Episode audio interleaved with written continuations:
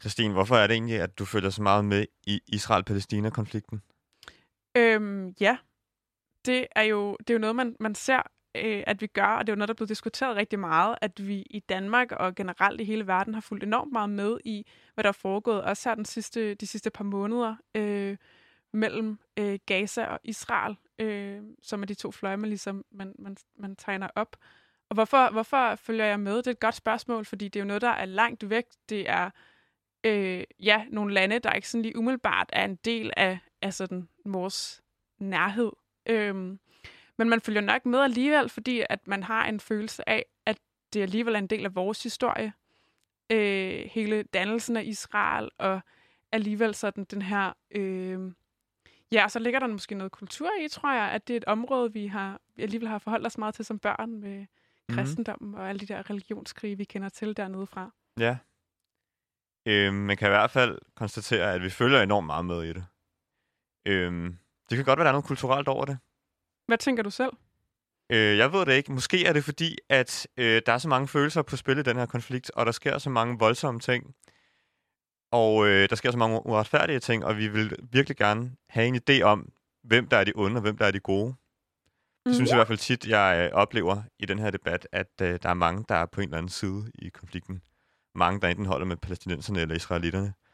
Øh, og øh, det, det er jo også det, der gør, at vi lige nu er ved at stikke vores hænder ind i en webserede ved at lave et program om det, føler jeg. Altså, ja, man, kan næsten ikke, ja, ja. man kan næsten ikke have en debat om det, uden at der er nogen, der beskylder dig for at øh, komme med nogle falske påstande, eller være enormt uobjektiv, eller et eller andet. Altså, mm, det, det, er, det er en virkelig betændt debat. Det er rigtigt. Ja, der er mange følelser og meget, meget på spil for mange mennesker. Ja. Øh, ja, sikkert af mange grunde, ikke? Ja. Men det kan godt være, at det har noget at gøre med, at det er en del af vores historie, og øh, at det er, der er noget kultur, vi godt kan genkende i det, selvom der også er øh, nogle kulturelle ting, som ligger meget fjerne fra os. Det er i hvert fald det, vi dykker ned i i den næste time her. Du lytter til programmet Hvad i alverden på Radio Loud. Her spørger vi, hvor verden bevæger sig hen, og sætter i hvert afsnit spot på en af de vigtigste begivenheder lige nu. Vi spørger, hvad går det ud på, og hvorfor er det vigtigt? Alt sammen for at finde ud af, hvad i alverden, der foregår ude i verden. Mit navn er Øjsen Shapiro. Og mit navn er Christine Røg. Og vi er dine værter den næste time. Velkommen til.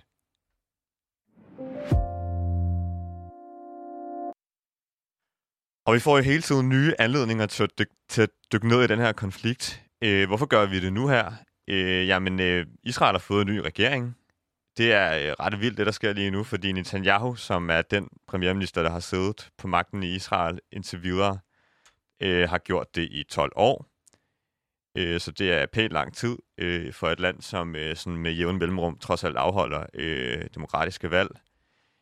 Og øh, det, der er sket nu her, det er, at der har været et meget lille flertal på 60 medlemmer af det israelske parlament, som hedder Knesset, som er gået sammen mod 59. Så der er lige en, der ligesom øh, har fået det her til at tippe over. Det er meget tæt. Det er meget tæt. Øh, de gået sammen om at vælte premierminister Netanyahu. Og hvem er han i øvrigt? Øh, jamen, øh, han har øh, altså et, et sjovt, en sjov, øh, et sjovt faktum, man kan sige om ham, det er, at han har været igennem fire valg på to år. Det tror jeg måske er en øh, rekord for en øh, premierminister i demokrati. Øh, en af grunden til, at øh, han klynger sig så meget til magten, er, at han er anklaget for korruption. Og øh, så snart han bliver væltet, så øh, kan det jo være, at de her anklager kommer til at få nogle rimelig grælde konsekvenser for ham. Øh, og han er meget højorienteret i det her betændte forhold, der er mellem israelere og palæstinenser. Og øh, spørgsmålet er jo så også, det er det, vi også kommer til at dykke ned i i den næste time her, det er, om det kommer til at ændre sig nu, hvor han ikke længere øh, har magten. Så er han øh, leder af det største parti, som hedder Likud, som dog ikke er så stort, at det kunne samle et flertal i sig selv, og derfor ikke længere har magten. Til gengæld er der otte andre partier, der har det. Pa- otte partier fra øh, den yderste venstrefløj til den yderste højrefløj, som er gået sammen om øh, en mærkesag, og det er at vælte ham. Der er blandt andet en ekspert, som vi jo skal tale med senere, som har sagt det her med, at det er en markant større forskel, der er mellem de her partier, end hvis enhedslisten og Nye Borgerlige indgik i den samme regering i Danmark. Det er jo helt vildt, det, ja, det er ikke så let. det lykkedes. Og øh, det bliver også meget vildt, hvis det lykkes fremover, kan man sige. Der er jo mange, der spår, at det her ikke kommer til at holde i længden, fordi partierne er så forskellige, som, som de er. Udover det, så øh, har Israel så selvfølgelig fået en ny premierminister, som hedder Naftali Bennett, som er også meget højreorienteret.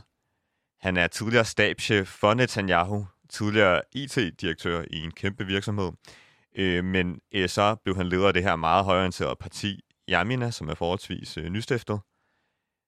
Og øh, et eksempel på, hvor højorienteret han er i det her forhold, det er, at han har fuldstændig, altså direkte, uden nogen øh, hæmninger bakket op om bosættelser, og har sagt, at han ikke vil arbejde mod et selvstændigt Palæstina. Og hvad er det, de her bosættelser egentlig er? Jamen, det er jo et af omdrejningspunkterne i konflikten mellem Israel og Palæstina, hvor der er huse og nærmest hele byer, der øh, bygges og øh, som bliver ligesom bo, ja, bosat af israelere i massevis i nogle bes, øh, besatte palæstinensiske områder, blandt andet ude på, øh, på Vestbreden og Gazastriben.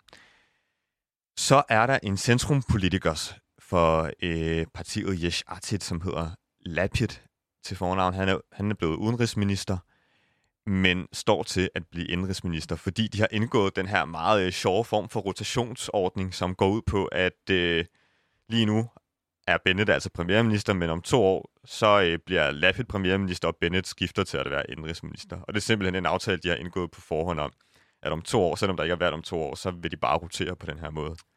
Også virkelig specielt, ikke? Ja. Ja. Er typisk. Jeg mener, der var en kommune i Danmark, som engang prøvede lidt samme model med en socialdemokrat og en fra et andet parti. Er det rigtigt? Fordi der var et kommunalvalg, hvor det stod så tæt mellem dem. Men det, Det holdt vist heller ikke i Nej, vel? Nej. Øhm, og så deriblandt så er der så nogle meget venstreorienterede partier i den her koalition. Og der er også et øh, arabisk parti, som er kommet med, som hedder United Arab List. Det er også ret usædvanligt. Det er vist første gang i Israels historie, at der er et øh, arabisk parti, der er kommet med i regeringen. Og øh, det fører jo alt sammen til spørgsmålet, om der er et håb for det her meget, tilsyneladende meget skrøbelige samarbejde, og om det kommer til at ændre noget grundlæggende ved den her konflikt, som øh, vi nu vil prøve at dykke lidt mere ned i og forstå, og forstå hvor, hvad den er udsprunget fra, og hvad dens historiske rødder er. Det vil du guide os igennem, Christine. Det vil jeg, ja. Øh, jeg er åbenbart blevet glad for de her historiske øh, oprids, og det er også især vigtigt, øh, blev vi enige om i forberedelsen til det her program med Israel og Palæstina, fordi der er mange antagelser om, hvad det er, og også rigtig meget forvirring. Det er en meget kompleks historie. Øh, netop fordi, at det her område, som vi også var inde på i starten, er, øh, er noget, vi alle sammen kender. Vi kender det blandt andet fra jo i vores kulturelle sådan ballast, bagage øh, fra Bibelen, ikke? Øh, hvor man taler om øh, om det område her, Palæstina øh, og Israel og jødernes land, øh, hvad det nu ellers bliver kaldt, øh, som ligger her i Mellemøsten. Øh, vi vælger dog at starte vores historie lidt længere fremme i det, der hedder 1917, øh, fordi Palæstina er som område et sted, der har været besat stort set altid af andre. Øh, op til 1917, der var det øh, tilhørt det Osmaneriget, som er et rige, der udsprang af Tyrkiet, øh, og som kollapsede efter Første Verdenskrig. Og øh, herefter, der ryger Palæstina så på Storbritanniens hænder, øh, og det sker i den hemmelige aftale, øh, Sykes-Picot-aftalen mellem Storbritannien og Frankrig, hvor de deler hele Mellemøsten imellem sig. Og der øh, bliver Palæstina altså øh, under britisk øh, kontrol. Mm. Og det skaber, at Storbritannien øh, på det tidspunkt har ligger ikke skjul på, at de gerne vil have en øh, jødisk stat, et Israel oprettet, som på det tidspunkt slet ikke eksisterer. Palæstina er et land, der primært øh, er befolket af arabere, og jo så derigennem øh, muslimer øh, på det tidspunkt, som, som det meste af Mellemøsten jo er. Øh, og det skaber så de her ønsker om et, et selvstændigt Israel allerede her øh, i, ja, i 1900 øh, men også allerede tilbage i 1800-tallet. Øh, tilflytningsstrømme øh, til det område i Palæstina, øh, som nu også øh, er Israel. Øh, og et godt indblik i, hvad det er, eller hvad det har betydet på det tidspunkt, øh, er, at fra 1882 til 1948, der steg antallet af jøder i Palæstina fra 24.000 til 650.000. Det er, jo- det er jo ret vildt at tænke på, at tilstrømningen var så massiv allerede dengang. Det er altså. det, det er det. Især når man tænker på, at under 2. verdenskrig, der blev der stoppet for de her tilflytninger, fordi jøderne jo af god grund ikke kunne bevæge sig uden for deres landegrænser og blev kontrolleret meget. Ikke?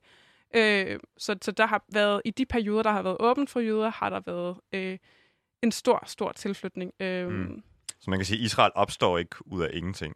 Nej, nej, man kan jo have den her idé om, at når man, det var fordi, efter 2. verdenskrig, så havde vi ligesom på en eller anden måde en, ja, jo, sjovt nok, en masse øh, flygtninge, jødiske flygtninge, som var, som var allokeret rundt omkring i hele verden, ikke? Øh, som manglede et sted at bo, og så oprettede man Israel. Men det er sådan en bølge, der går meget længere tilbage, og som er det, som man kalder den sionistiske bølge eller bevægelse, som er det her øh, ønske om en, en, en selvstændig Israel, et, et, et selvstændigt Israel. Øhm, ja, men efter 2. verdenskrig, så laver FN en delingsplan af Palæstina, øh, netop for at oprette et selvstændigt Israel også. Øh, det bliver anerkendt ret hurtigt af USA og Sovjetunionen, som jo står tilbage som de store vindere af 2. verdenskrig.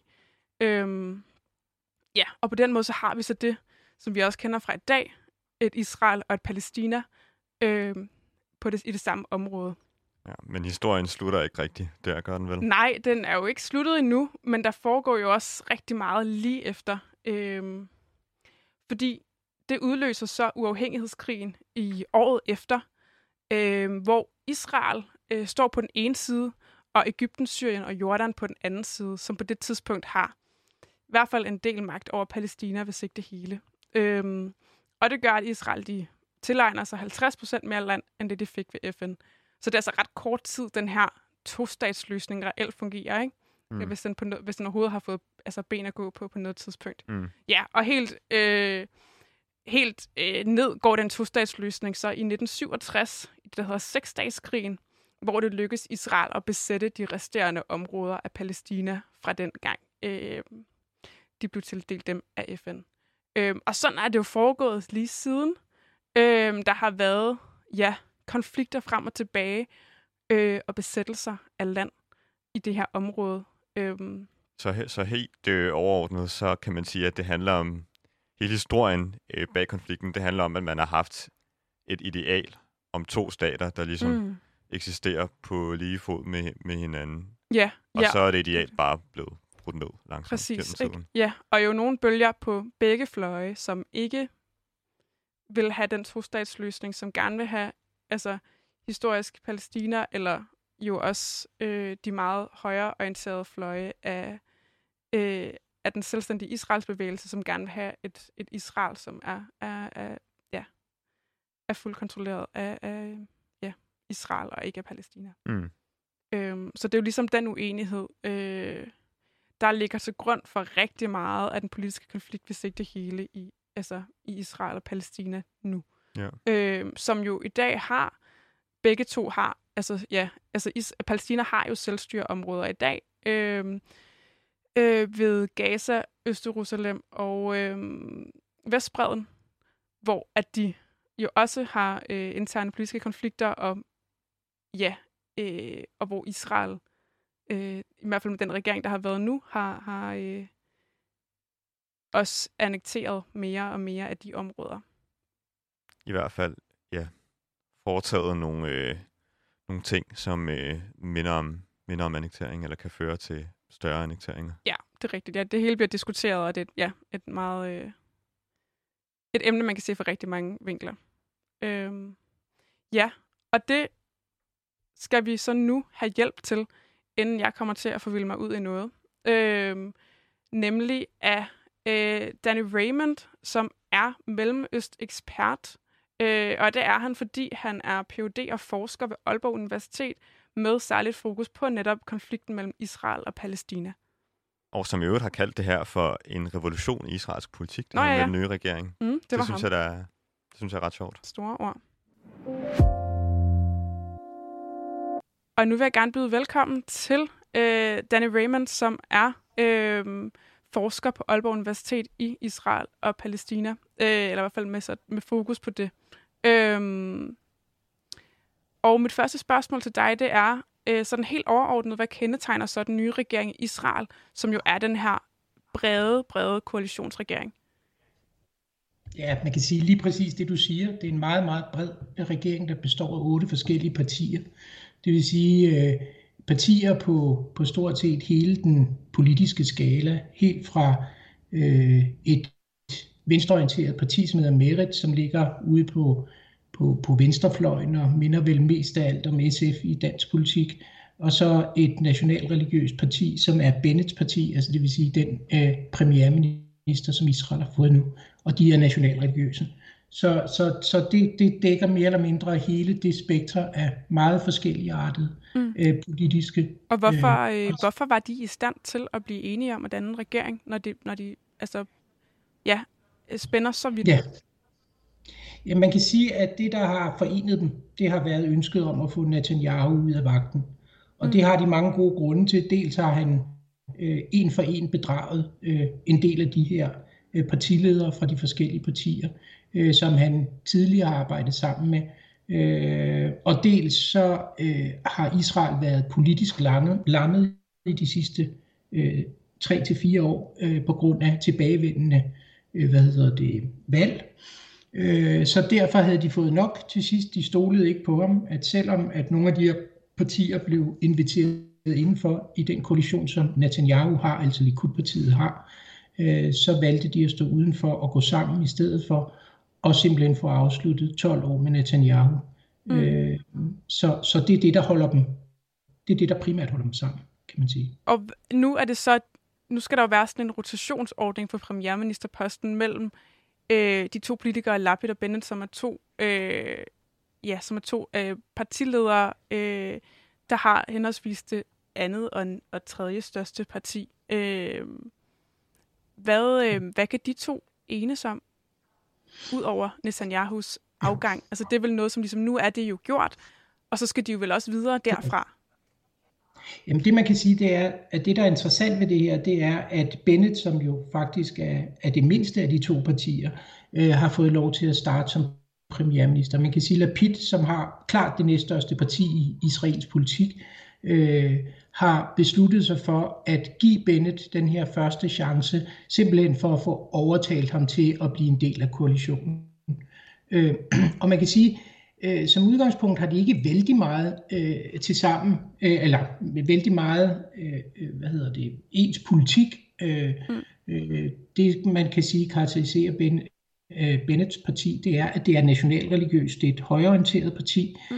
øh, og er meget orienteret omkring, hvad skal man sige, den sionistiske forestilling om et store Israel, hvorimod Lapids parti er sådan et, hvad man vil kalde det i en dansk sammenhæng, et centrum højre parti, mm. øh, som er et liberalt parti, og som absolut er antireligiøst øh, på mange måder.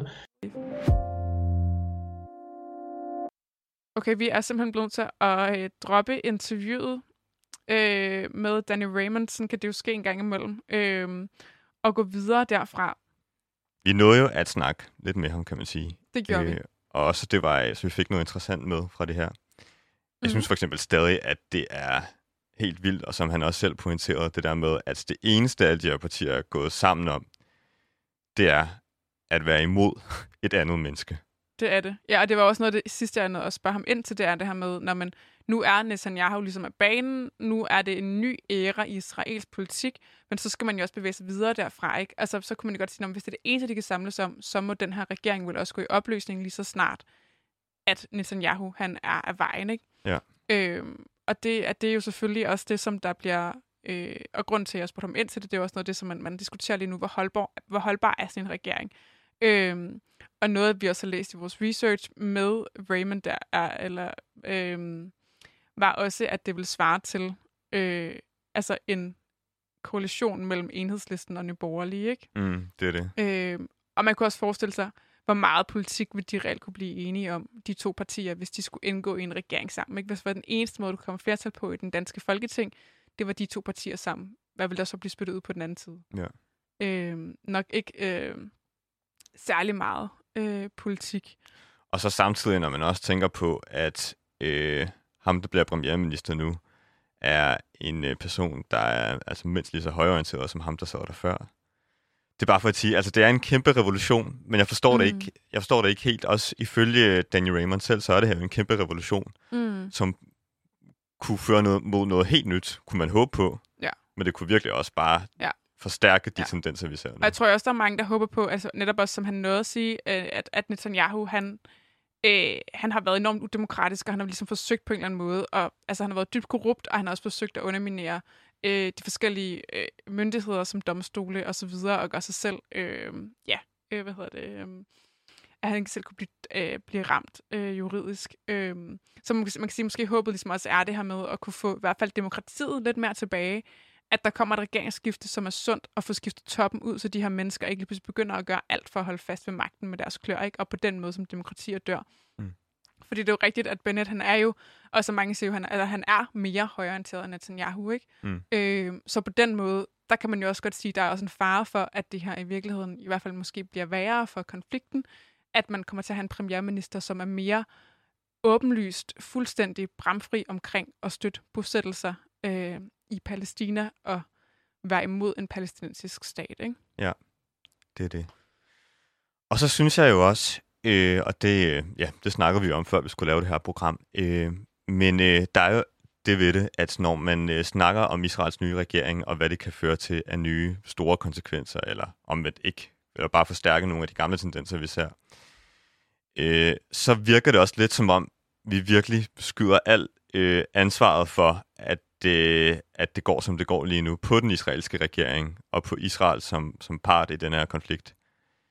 Men øh, man skal jo også tænke på, at øh, altså, der skal to til at danse tango, og der er en anden part Mm, her, som hedder sikkert. Palæstina, som øh, der er jo også nogle problemer med, og øh, som øh, Israel jo også lidt bruger. Altså, når man for eksempel ser på den terror, der er sket i øh, de sidste mange år mod Israel, øh, så er det også det, der gør, at Israel øh, ligesom legitimerer nogle af de her meget voldsomme tiltag, vi ser udefra. For eksempel det at øh, flytte flere bosættere ud på områder i Palæstina. Det er, jamen, de, de, de, de svarer altid med at sige, jamen det er der en, en sikkerhedsmæssig årsag til, at vi gør dem, der forsvarer bosætterne. Og øh, hvordan føler de, at de kan tillade sig at gøre det? Jamen, det er jo sådan, at øh, der er, øh, som bekendt, er øh, Palæstina styret af et parti, der hedder Fatah, som er ledet af Mahmoud Abbas, som har siddet på magten i siden 2005, og der har ikke været noget valg siden 2005 i Palæstina. Øh, og så er der ved siden af det her parti så en anden fraktion, som hedder Hamas, som øh, har flertallet i det, der hedder Gazastriben, og som tit udfører øh, den her terror mod Israel. For eksempel når man taler om, at der bliver sendt øh, nye raketter mod Israel, eller der har lige været en ny nyhed om øh, i går faktisk, altså eller rettere dagen inden vi, øh, vi optager den her, det her udsendelse, som, øh, som er her onsdag, Mm. øh, om at Hamas har øh, brugt øh, en ny form for øh, sådan ballonbomber, hedder det, øh, og sat, påsat 20 brænde i, øh, i Israel i løbet af en aften. Øhm, og øh, det er jo sådan nogle ting, der sker med jævne mellemrum, og derfor kan man jo også spørge, om øh, der ikke også skal nogle nye tiltag til Palæstina, for at der sker noget afgørende nyt i den her Mm. konflikt. Og øh, derfor så synes jeg også, det kunne være spændende at snakke med Men, en. men, men, men, okay, sorry. Ja. Vi, vi, bare fordi, det er bare lige for at få en lille smule med. Man kan sige, at hele diskussionen er jo så også, ja, man, bliver, man kalder Hamas for en terrororganisation. Øh, den er på en terrorliste fra, øh, fra USA jo især, øh, som jo selvfølgelig også meget tydeligt holder med, pal- øh, holder med Israel i det her, og som jo også støtter det israelske militær med mange penge hvert år. Øh, og man kan også sige, sådan, så kalder man, og, og man ved med terrorbegrebet også, at man traditionelt har kaldt grupper for terrorister, har kaldt handlinger for terror, når det har været ens egen modstander. Ikke? Så det er også net, altså, det er også net, hvor man siger, okay, fordi en anden diskussion siger, er også, at Israel provokerer Hamas i Gaza så meget, at de bliver nødt til at svare igen. Fordi du på en eller anden måde siger, okay, hvis vi skal have en eller anden form for idé om, at vi er et selvstyre, at vi har et forsvar, selvfølgelig, når de så begynder at, at overtræde vores territorie og begynder øh, på den måde at krænke vores suverænitet, så bliver nødt til at svare tilbage. Ikke? Mm. Og man kan også sige, at den seneste konflikt, som vi har hørt meget om, som foregik, foregik sig der i maj, bare lige for at få lidt tal på, så var der 232 mennesker, der døde i Gaza, øh, og 12, der døde på den israelske side. Ikke? Ja, Og så kalder man Hamas for, for terrorgruppen i det her. Ikke? Altså det er bare sådan for at sige, at der er også mange nuancer i det, og det er det, der er så kompliceret.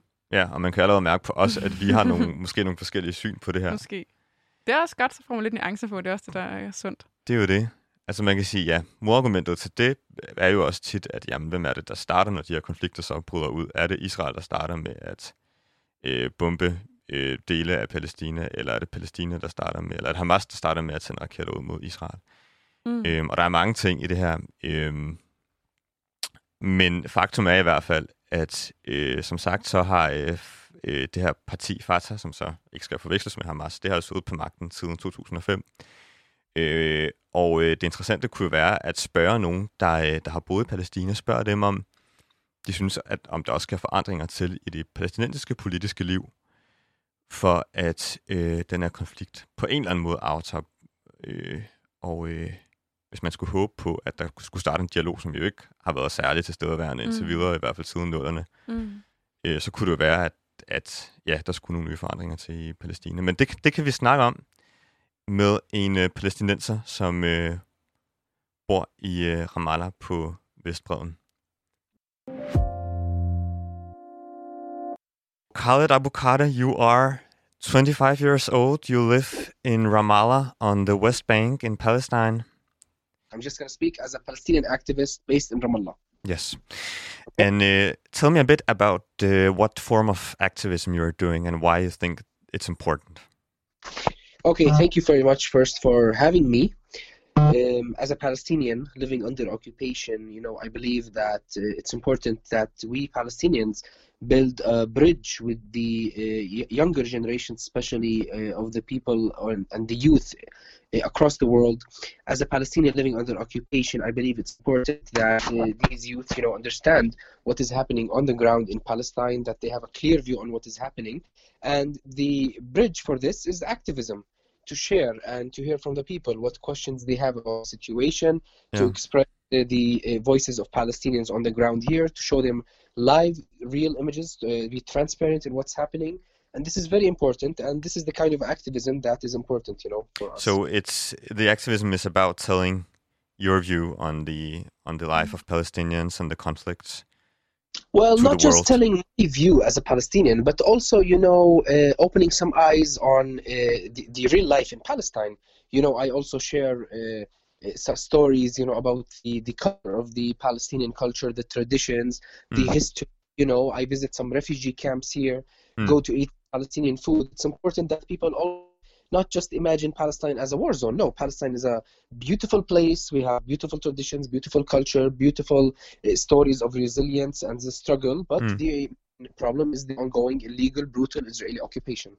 Okay, so let's let's talk a bit more about about this topic. Uh, and specifically also in the light of this uh, new government that has been formed in Israel. Can you say something about how the reaction to the new government has been among the Palestinians in general? Yes, sure. Well, first of all, you know, this is the 36th uh, Israeli government in the history. Uh, for us Palestinians, there's nothing new on the uh, maybe people government are different, but the shadows are the same. It's the same shadow that is, you know, sponsoring and supporting the Israeli apartheid against Palestinians. Sorry, what what is the, the same, same, Did you say? Same shadows, you mm. know, different people, same shadow. What do you mean by shadow? Shadow i mean by you know the the uh, same actions that are being made uh, or being you know committed on the ground by the israeli politicians. Uh, like i said this is the third, 36th government. So basically uh, there's not much change in the policies. The occupation is still the same. The illegal settlements are still present. The apartheid is still there. The checkpoints are still there. Palestinians are still deprived from exercising their basic human rights. So it's different people same shadows. By shadows, we mean that you know uh, it's the same acts, but the executioner is mm. different. Mm-hmm. The people that are executing the policies are different, but the same acts, okay. and the Palestinian necks are still on the chopping block. You know, yeah. And it's ongoing. Like I said, we are in 2021 the uh, occupation is still there, the apartheid is still there, we're yeah. still living under occupation. So Palestinians, you know, did not actually interact much with the with the new government because for us uh, it's like I said new, new people but same policies same uh, system. But is is that not a problem in itself that uh, you say that Palestinians have already given up on uh, uh, having a dialogue with the new government? Is that not, I mean, in itself a, a way to to give up and and say there can be, like there there can't be no changes to this conflict, no matter No, what. Yeah first of all i did not say palestinians uh, gave up uh, you know palestinians didn't give up and you know our existence in in our land is resistance basically you know palestinians living here despite the difficult situation palestinians insisting on uh, having their education in palestinian universities continuing their life Mm. challenging their reality passing through checkpoints going to their work you know um, we have many many stories of uh, Pa- palestinian success i did not say that palestinians gave up and second of all, I did I do not think that uh, the issue is that you know if there's a dialogue or not with the, the, the Israeli government. There's no indicators that the Israeli government is a different government and that is really uh, looking for strategic uh, positive peace with the Palestinians. Just yesterday in the occupied city of Jerusalem, the Israeli government gave a green light for uh, uh, illegal Israeli extreme right settlers to go out in the streets in what they call the flag parade and they were chanting death to Arabs, death to Arabs all over the streets, raising the Israeli flags. Mm. This is green light, and this is a systematic approach, systematic policy by the Israeli government. The issue is not about dialogue or not dialogue, it's about what is on the ground. What is on the ground is that before a couple of hours, a Palestinian child, 16 year old Palestinian child, was shot in his head in Beta Nablus. Beta Nablus is a place where the Israeli government sponsored Israeli extreme right movements and groups Mm. to build an illegal outpost in that in that uh, village. Yep. And a Palestinian child was shot in his head, and now he is in the ICU in Nablus, and might be announced dead in any uh, hour. So the issue, my friend, is not the, the dialogue; it's the uh, practical, uh, you know, policies on the ground. What is happening on the ground? Yeah. And for us Palestinians, also, since you mentioned, you know, the term conflict, Yeah. for us, and for the world, it's important that we understand that it is not a one by one conflict. You know, we are not uh, dealing with equal sides. You cannot Hmm. put lines between the occupied and the occupier, between those oppressed and the, the, the oppressor. It's important to understand that this is an ongoing war against Palestinians since 1948, since the Nakba, since uh, the ethnically uh, cleansed policies by the Israeli government applied in 1948, which now we have 6 million refugees all around the world. Yeah. This is still happening in 2021. Yeah. But let's just uh, turn back to, to what we sp- uh, spoke about a bit earlier. Um, perhaps I misheard you. You didn't say that Palestinians have given up, of course, but as I heard you, you said that they have they have given up on the dialogue because there can't be no dialogue right now. Is that is that correctly understood? No, I, I didn't mention anything about the dialogue. I just uh, told you the reaction of Palestinians to the Yeah. new government. Yeah. Because, you know, uh, maybe the world is, is uh, maybe, you know, some people are presenting this government as a new government, but for us, it's the 36th government in the history. Hmm. And we are in 2021. Did the occupation end? No. Did the apartheid system end? No. Is there uh, freedom for the Palestinians? No. So for us, we did not interact much with the, the news about the government. You know, all all the actually Israeli, you know, uh, political factions had one goal is to, you know, uh, get rid of Bibi, and this was the main goal for them. So it's not really Right. a Prime Minister Netanyahu. yeah, exactly, Yeah. exactly. And the current prime minister, actually, Naftali Bennett, he's a far uh, extreme right, uh, you know, uh, wing supporter. He's a politician that called for the annexation of the West Bank. He's a, you know, a prime minister that calls for, uh, you know, uh, applying more uh, extreme uh, policies against the Palestinians. Yeah. So what change are we talking about? Uh, but it still seems to me that something new is is happening still in uh, Israeli politics because uh, the new coalition government consists of eight different parties, right, including a small Arab party called United Arab List, which is something radically new. Uh, do do you think this party specifically could make a difference? No, I do not, because you know their representation is uh, low, and there is not actually, you know, um, endorsement, full endorsement. The majority of Palestinians actually in uh, who are living in Israel, you know, Palestinian citizens living in Israel, there's not a majority of endorsement or support for uh, this party, and their influence will be, uh, you know, weak in in uh, this coalition. Therefore, we are not uh, surprised, or and we don't also expect much from this government. Mm-mm. Uh, well, uh, some have spoken about uh, different possible impacts of the new Israeli government. Uh, they have been debated widely. Um, but let's just uh, also take a look on the Palestinian political landscape right now, if if you want, um, because it has been quite stable for a long period, right? And there hasn't been any elections since uh, 2005.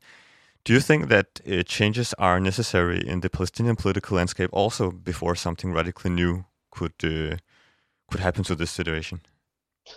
Well, you know, as a, a, Palestinian young activist, yes, I believe that uh, it's important that we have more younger generations in politics, and it's important that we exercise, exercise, you know, our political rights. And this was actually going to happen a couple of months ago when the elections were scheduled, but the Israeli government refused that the Palestinians hold the elections in the eastern part of Jerusalem, which is actually occupied in international law.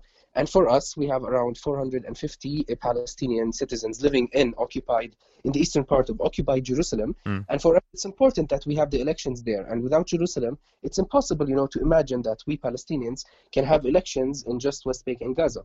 So for us, it is important, yes, to have elections, but it is also important that we exercise our political rights in all East Jerusalem, West Bank, and Gaza. Mm. But what changes are you then hoping for could uh, could happen uh, after such elections were were made in Palestine, what could uh, change differently? What what what could uh, change sufficiently? Well, I believe the uh, percentage of uh, of the participation of youth in politics will increase, which is you know something very important because there will be more youth voices in the uh, political system, and uh, this is important you know to push for more agendas that will support youth empowerment here and women empowerment, etc and it's important that yeah we have also a, a change because uh, you know the more we have uh, younger politicians the more also we are you know optimistic about the future of palestine because the younger generations are now the ones on the ground that are uh, leading the peaceful protests and peaceful demonstrations against the occupation. The younger generations were the ones yesterday in occupied Jerusalem, you know, chanting for uh, freedom, while the illegal Israeli settlers were chanting for mm. death to Arabs. Mm. So the younger generations are the future. They are the hope. They are what we believe will, you know, make a change on the ground. And yeah. it's important that, you know, we empower these younger generations in uh, the government and in the political system as a whole. Do you think that the young generation actually could uh, change the political landscape in Palestine sufficiently? Is is there a need for that? Is there a need for a new party, some new uh, movements, some new uh, experiences? Well, it doesn't have to be a new party. You know, when I'm talking about younger generations, I'm talking about uh, younger generations that are participating in uh, unions, in organizations, in movements, in grassroots movements, in uh, movements, you know, etc., etc. So the, the issue of the participation of younger generations doesn't have to be just in like uh, political parties because many of these younger generations are like you know far away from the uh, mainstream, let's say, uh, political parties in Palestine, and they choose to like go on another path with their movements, with their uh, independent voices, etc., etc. And this is all important because yes, I do believe in the power of youth. I believe in general in the power of people. You know, Palestinians living under occupation in these harsh conditions, and they are still surviving. They are still willing to continue the, this uh, struggle for freedom, the struggle for self-determination, the, the struggle to exercise our rights on the ground. I totally believe in the power of the Palestinian youth. I'm, I'm proud of the Palestinian youth yeah. that are managing this situation. You know, that are challenging the idea that they have to live under this situation and they are still living in Palestine, existing here, resisting here, and this is very important. Okay, but do you think there is a specific need for a new leader in Palestine? Because, I mean, one could argue that the current one has uh, been there since uh, 2005, and uh, the uh, the situation hasn't improved uh, re remarkably in the the war or the uh, the situation between uh, Israel and relationship between Israel and uh, Palestine right now. So, do you think there is a need for a specific, specifically a new leader in the country?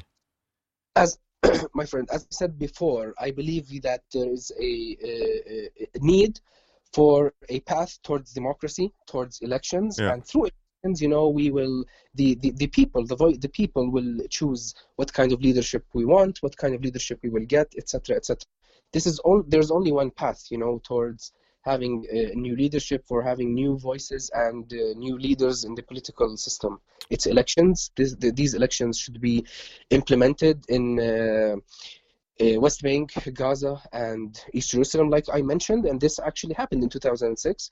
The idea that the Israeli occupation, uh, the occupying power, is refusing uh, to hold these elections in Jerusalem is unacceptable and illegal, you know, even by the international law and even by the Oslo Accords, which was signed between the PLO and the Israeli government in 1993. Right, but uh, I mean, another reason for asking this this question is that I'm also thinking about the uh, uh, the the control of uh, Hamas in Gaza, uh, and uh, you know, as soon as yesterday, I think there was uh, some news about Hamas launching a, a massive attack at Israel with incendiary balloons, which sparked about 20 fires in the in the country. And it is often argued that the Israeli settlements are a, a response to the to the acts of Hamas. I mean, do you think that, uh, or do you acknowledge that no significant change in uh, in the everyday life of Palestinians is, is possible until uh, Hamas power is is weakened, or what do you think? well, I, I, do not think that the main issue and the main problem is Hamas. You know, Hamas was a a political party established in 1987. They didn't have actually much role in the, the political system until the you know late 90s. You know, the main issue and the main problem, if you want to look at the bigger picture, the bigger puzzle, you know, because sometimes when we are asked about yeah Hamas, we are asked about what is going on here, what is going on there. No, but the main issue is the ongoing illegal occupation. If you want to look at the puzzle, if you want to understand the situation as it is, you should focus on the main roots of this uh, ongoing, you know, war against the Palestinians, which is the illegal, brutal occupation. Hamas is not the main issue. This Hamas is not the main problem. When you are talking about what is happening, but you did not also mention that there was a war on Gaza and more than 250 Palestinians were killed. You did not mention that yesterday night the Israeli uh, air air, uh, air forces uh, bombed Gaza. You did not mention that Gaza is under siege for more than 15 years. Mm. You did not that Gaza does not have anything they don't have the living conditions to live. They do not have clean water. They cannot travel. They cannot move. You did not mention this, but you mentioned that there was 20 incendiary balloons sent to Israel. You know, so it's important also as a journalist, as the media, uh, that we you know we cover the picture as it is. We look at the bigger picture. We understand the bigger picture, and we understand that the main cancer that is affecting the region is the illegal occupation. Yeah. You know, as long as the Palestinians are under occupation, there will be no stability in the region. Yeah, surely, and that's and that's why we're asking your opinion for this uh, for this bigger picture. But I mean, do you acknowledge that Hamas power is a uh, significant problem in this? Again, I told you, uh, you know, Hamas is a political party. Okay, it was yeah. established in '87. Yeah. It's part of the uh, Palestinian uh, society you know i acknowledge that I acknowledge also that the Israeli occupation uh, is the, the main problem, the main issue. Gaza is under siege because of the occupation. Palestinians do not have the uh, their their you know self-determination now because of the occupation. Palestinians live under, under apartheid because of the occupation, not because of Hamas. Yeah. Palestinian West Bank do not have an airport here to travel. They have to go to Amman, Jordan, not because of Hamas, because of the yeah. occupation. Palestinians here are deprived from traveling from one city to another without going through traffic because of checkpoints built illegally on their land.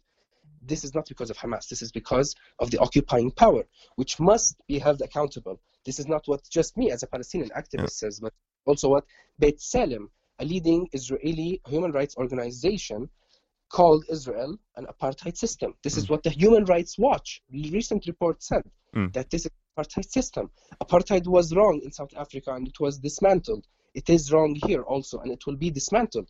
We have to acknowledge this. We have to focus on this. Right. And this is the only way that we will achieve peace in the region. Okay, so finally, let me just ask you uh, another question um, that which you might not answer if you don't want to, but uh, I'm just curious because before this interview, you asked me whether there will be any uh, Israelis during uh, the podcast. Uh, may I ask why is that important to you?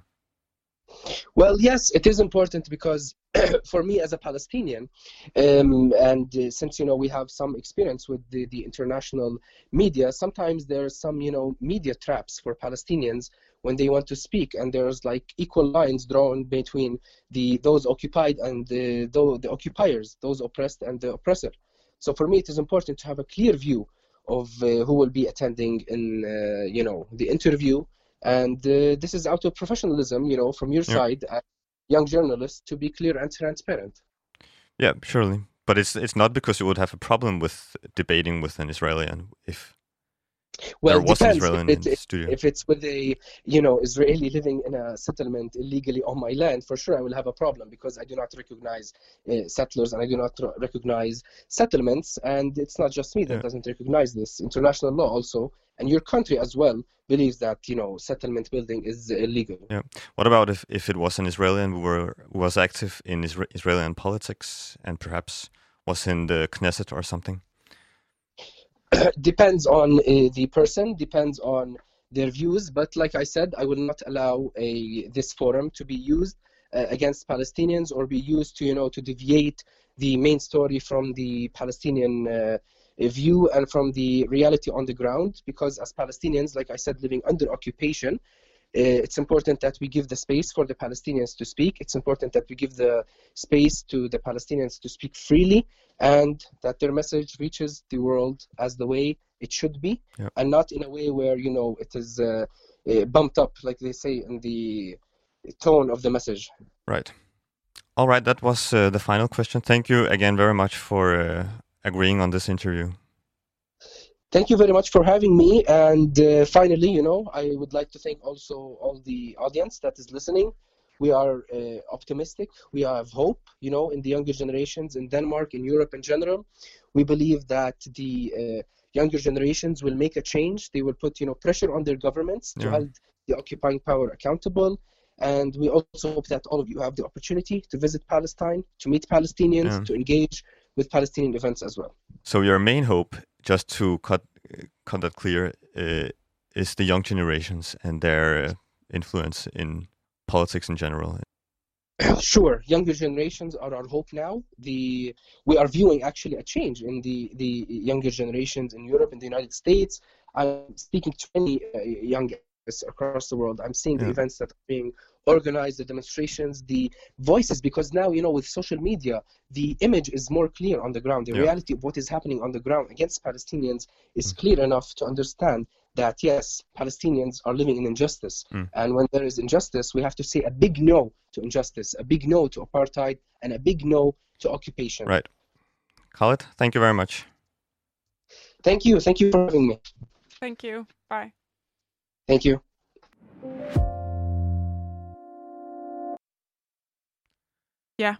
Øhm, der kan man sige, der fik man i hvert fald øh, en palæstinenser og en palæstinensisk aktivist, aktivist side af sagen, øhm, øh, som jo også havde meget stærke følelser omkring det her. Det var meget tydeligt, at, øh, at man hver gang, at man spurgte ind til noget, så, så, øh, så var det meget betændt.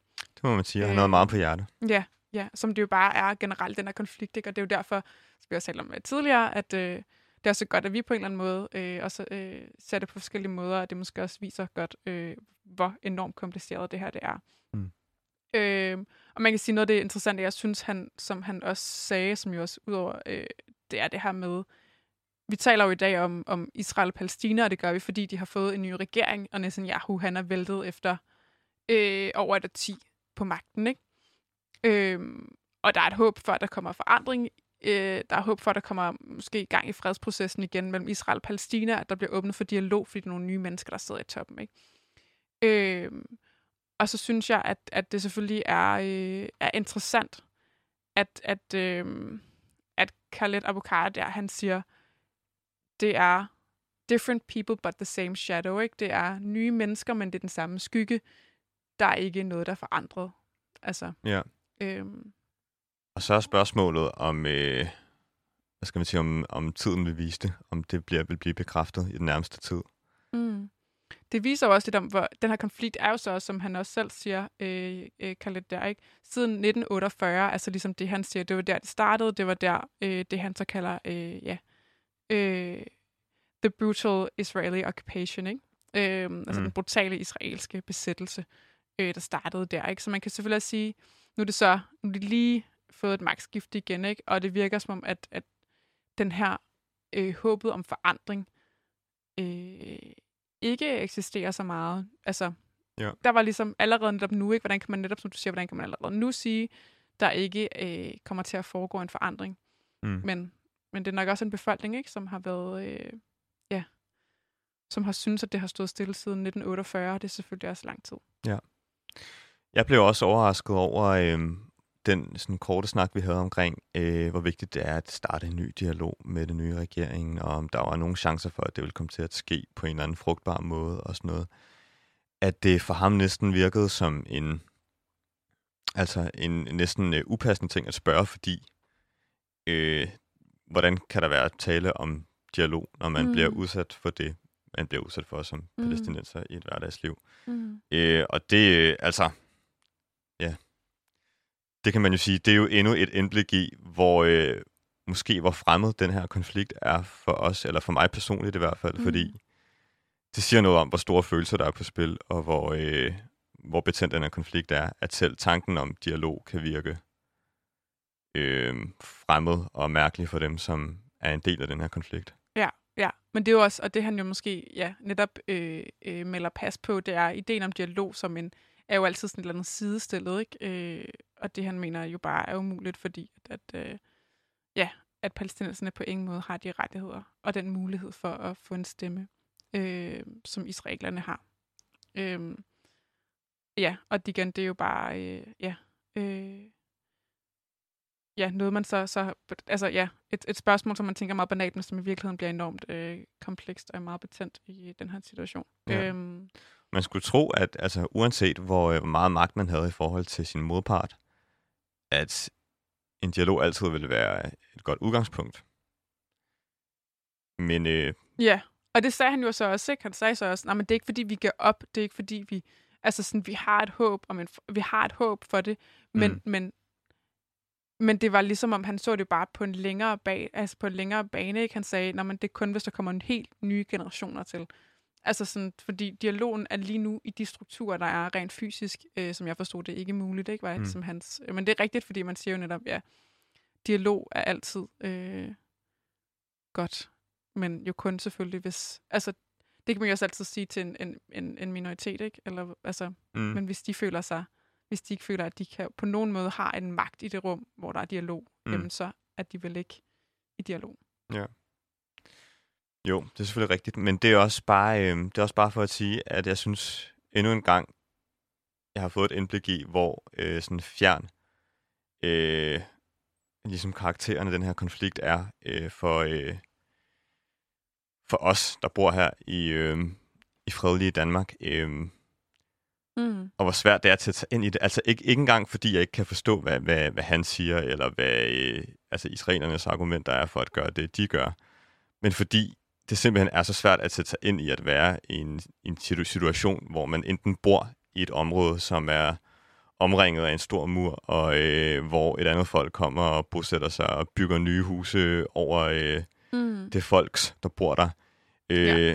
Ja. Samtidig med, at det er også fuldstændig umuligt at leve sig ind i, hvordan det er at bo i en befolkning, som føler sig øh, terroriseret hele tiden, mm. øh, er bange for sit, sin egen eksistens og sit lands eksistens, som øh, israelitterne jo også er hele tiden. Det skal man jo ja. også tænke på. Ja. Ja. Og det der med, at det er så svært at tage ind i, hvordan det føles, at det virker næsten ja. øh, mærkeligt at stå sådan her udefra og diskutere det og analysere det. Det gør det. Selvom vi har forsøgt på det den sidste time her. Det er rigtigt. Og noget af det, som man måske lige kan sige til sidst, altså Øh, der er bare også rigtig mange politiske interesser i det her, ikke? så det er også, altså begge sider anklager jo den anden side for at være politisk motiveret, det de udtaler, ikke at være neutrale, eller ikke at være sande i hvert fald, ikke? Og, altså, og det og, altså i alle medier, ikke? Altså sådan, og det er jo også bare, ja, et stort problem, øh, at, at man ligesom ikke kan se ud over det, eller at, at, at alle ser den anden side som, som politiseret, eller som, som usand, ikke? Ja. Øh, som vi jo også, øh, ja, og der er sikkert nogen, ind i. Ja, ja, der er sikkert mm. nogen, der hører det her program og tænker, det var da godt nok. Præcis. Øh, Propaganda. Ja, for en, ja. for en eller anden side. Værste skuffe. Ja. Øhm, nå, øhm, det tror jeg var øh, alt vi nåede for i dag i det her program, hvor øh, teknikken ikke var helt med, men øh, jeg håber stadig, det har været interessant at lytte til. Øhm, og ja, du lyttede jo til øh, Hvad i alverden. Øhm, og vi er tilbage igen øh, om to uger Øh, mit navn er Christine Røg. Og mit navn er Øjsen Shabihu. Og vi lyttes ved.